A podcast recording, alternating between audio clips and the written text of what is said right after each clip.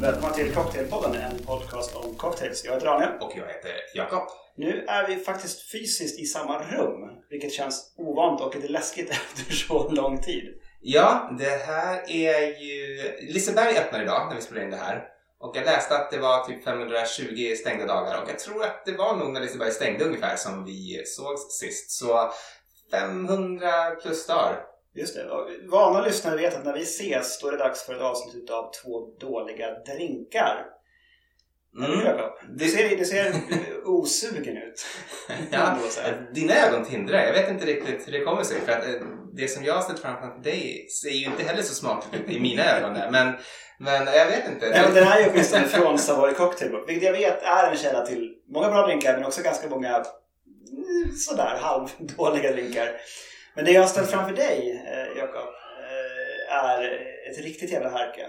Jag, jag kan beskriva hur det ser ut då. Det är eh, ert shotsglas och eh, längst ner och ända upp till ungefär tre fjärdedelar av glaset så är det en rosa oh, liksom genomskinlig massa och på det ungefär hälften så mycket då, nästan upp till kanten på glaset så är det någon sorts Ja, det ser ut som vassle ungefär. Någon sorts liksom väldigt mjölkig eh, gulvit historia. Mm, och det jag har fått det är ett, ett, ett vanligt, ganska litet kokglas med vad jag skulle beskriva som avslagen Newcastle Brown Ale. Mm, bra. Fast lite grumlig. Lite, lite, lite, lite lös. en unfiltered Newcastle Brown Ale. Vilket när jag sa det naturligtvis kommer att finnas snart. Om det inte redan finns. det är automatiskt. Och om inte det finns så finns någonting som det. Ja. Definitivt. Så att eh, jag, kan, jag kan börja Jakob. Vill du berätta vad jag har fått eh, framför mig? Absolut. Eh, Den här är som sagt hämtad ur Savoy Cocktail Book och det är ju hyllat som en av eh, liksom de, de riktiga klassikerna bland cocktailböcker. Men om man tänker på att den innehåller också mycket riktigt, riktigt uselt. Eh, bland annat gissar jag den här som jag faktiskt gjort för första gången. Det är en macaroni cocktail. Och eh, receptet är enkelt.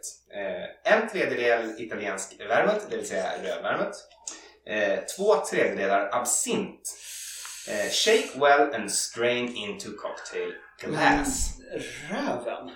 Eh, så det, har, det förklarar grumligheten då. Den har Så det är en absint Manhattan? Det kan man säga. Det, det, är inte, det är inte ens ett, ett maraschino-körsbär i för att liksom söta upp eländet? No garnish. Och in, inte heller eh, inte heller har jag valt att pastis eller någon lite snällare anuslikör utan det är absint. Okej. Ja, nu ler jag ju, men det är mest av skräck. alltså som ett, ett illa grin. Som någon som är på väg bli påkörd liksom. Ja, Ehm, fy. Okej. Men ehm, tack. ja absolut. Ingen orsak. Namnet lockar ju också till konsumtion. Liksom. En cocktail som är döpt efter en, pastaform. Lite märkligt där. Jag tänker mig, är det någon sorts liksom drift med italienare, typ? Kan det vara så enkelt? Ja. Macaroni, liksom att det är det sämsta Italien har att erbjuda. Jo, fast det är inte absint. Mest Det- typ Det Frankrike. är Frankrike, men jag, jag, Men, tänker- eh, den italienska värmen liksom. där då. Men jag, jag tar väl med en liten sipp här då. Mm. Bra. Eh, tack.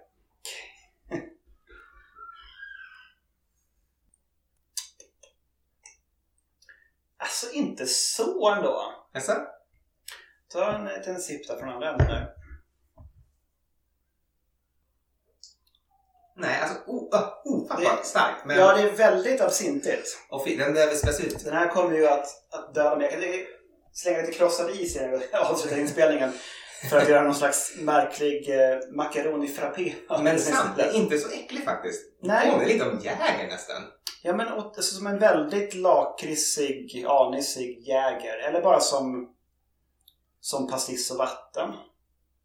Alltså, vermouten gör sig icke besvär i den här, i den här smakprofilen. Alltså, ja, den ser, den ser inte superfräsch ut. Det är ingenting man skulle dricka någon större mängd utav. Mm. Den här portionen du har gett mig är ju för stor för smakprofilen vad jag har fått. Däremot det du har fått där är precis lagom portion faktiskt. All right? Det är nämligen en, det är en shot. Mm.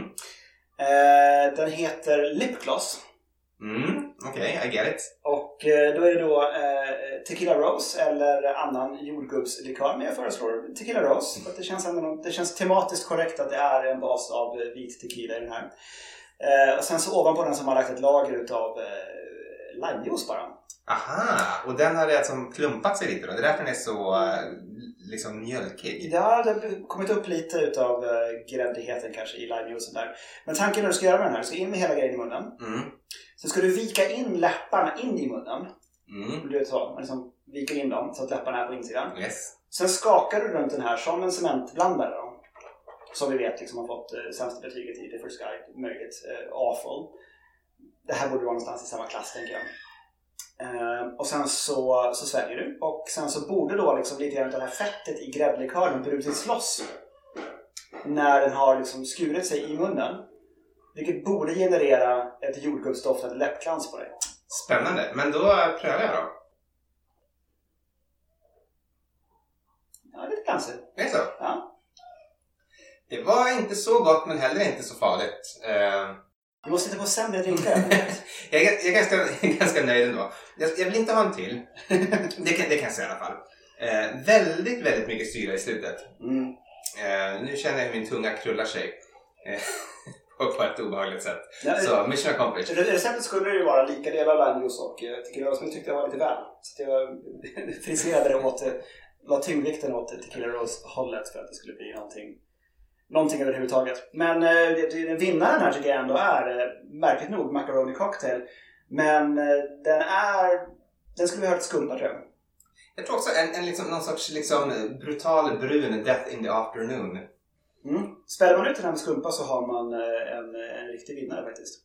Och med de orden, Med de orden så har vi avslutat ytterligare ett avsnitt i serien Två dåliga drinkar. Tack för att ni har lyssnat och skål och godnatt! skål skål!